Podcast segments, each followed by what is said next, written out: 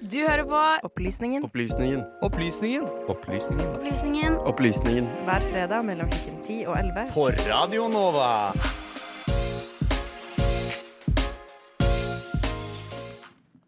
Men nå skal vi snakke litt om Hellas, Lise. Ja, eh, for vi har snakket med Erlend Lien fra den veldedige organisasjonen Åpne øyene. Han er i Aten og har med seg et av Oktoberbarna. Men først skal vi åpne infoboksen og høre hvorfor så mange flyktninger befinner seg i land som nettopp Hellas.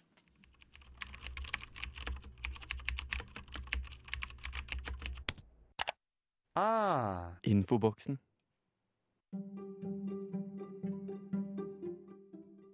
Dublin-avtalen er et samarbeid mellom EU-landene samt Island, Sveits, Liechtenstein og Norge.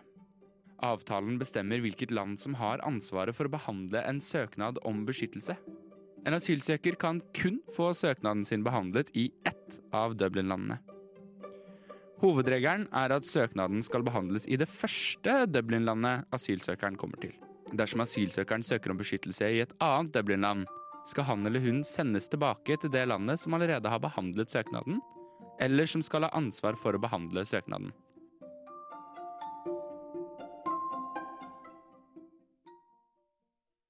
De ungdommene de finnes eller annen plass, og de går det an å spore opp. Og det går an for de norske myndighetene å rette opp igjen den feilen de gjorde da vi sendte folk ut i 2017.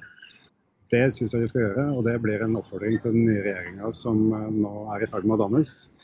Og jeg kan love at de kommer til å få høre det fra oss, og helt sikkert masse andre organisasjoner også. Jeg heter eh, Erlend Lie. Jeg jobber i organisasjonen Åpne øyene sammen med kona mi, Lina Tingstad. Det er en liten eh, veldedig organisasjon som bare består av oss to. Og eh, vi jobber med forskjellige ting som eh, kan hjelpe flyktninger i Norge, og spesielt da i Hellas. Det var jordmora Lina som tok initiativ til å starte Åpne øyene etter flere år som frivillig helsearbeider i flyktningleirer i Hellas. Det offisielle startskuddet for organisasjonen fant sted i fjor. Siden da har Åpne øyene bl.a. delt ut artikler som klær, barnevogner og leker, og bidratt med rettshjelp til folk på flukt. Nå er Lina hjemme og smører sandwicher, fordi senere i kveld skal vi dele ut sandwicher og frukt her i Victoriaparken. eh, Sånn som vi har gjort ganske ofte i den perioden vi har vært her. Her er det mange flyktninger som holder til, spesielt flyktninger fra Afghanistan.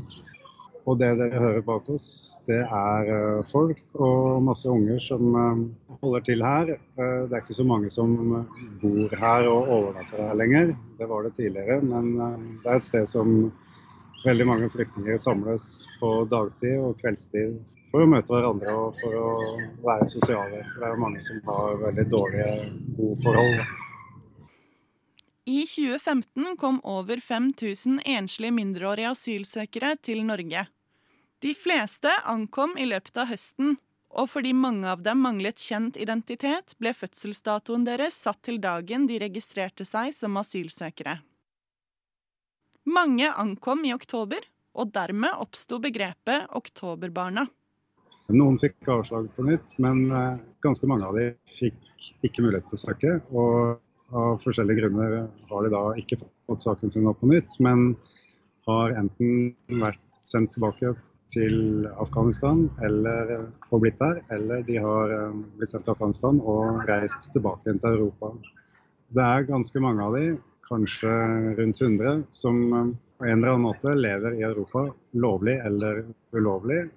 Eller det at norske myndighetene har eh, sendt ut folk på den måten og ikke tatt ansvaret for eh, skjebnen til de folka her, det er en skam. Og det er noe som de norske myndighetene burde ta tak i på nytt.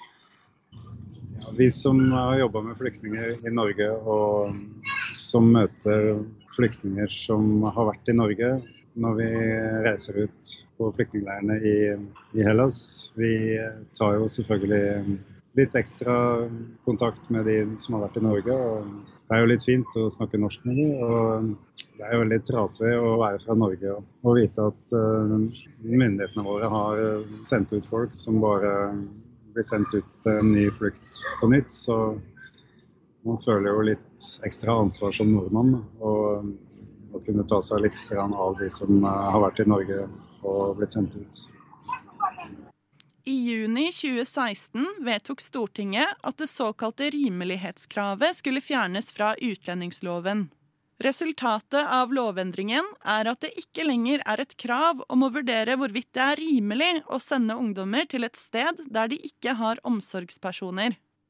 Mange av oktoberbarna fikk en midlertidig oppholdstillatelse som innebar at de måtte forlate Norge da de fylte 18 år.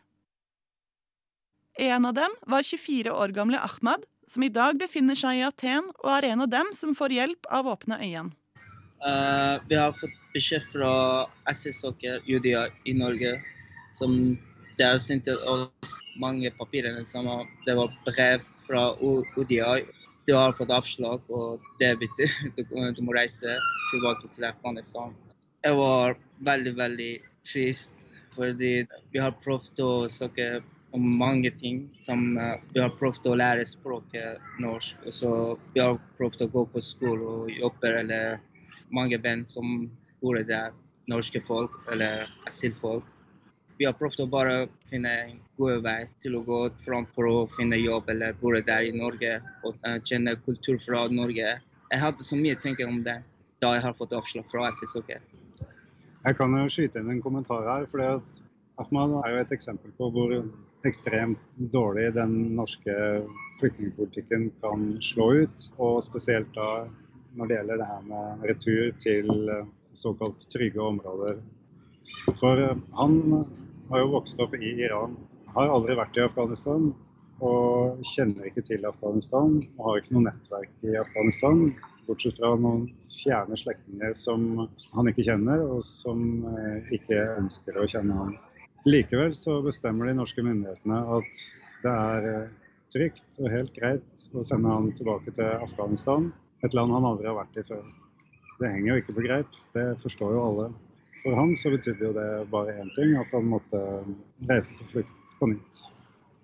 Vet du hva, Det var veldig veldig vanskelig å bo der i Kabul og med mye stress og som bekymrer om alle tingene som skal gå på jobb eller skal du finne eh, noen venner der. Vi har fått hjelp av NOAS til å um, prøve å åpne saken på nytt. Så vi jobber med det nå, og vi håper på et uh, positivt resultat. Ja. Reporter i denne saken var Amalie Sundby.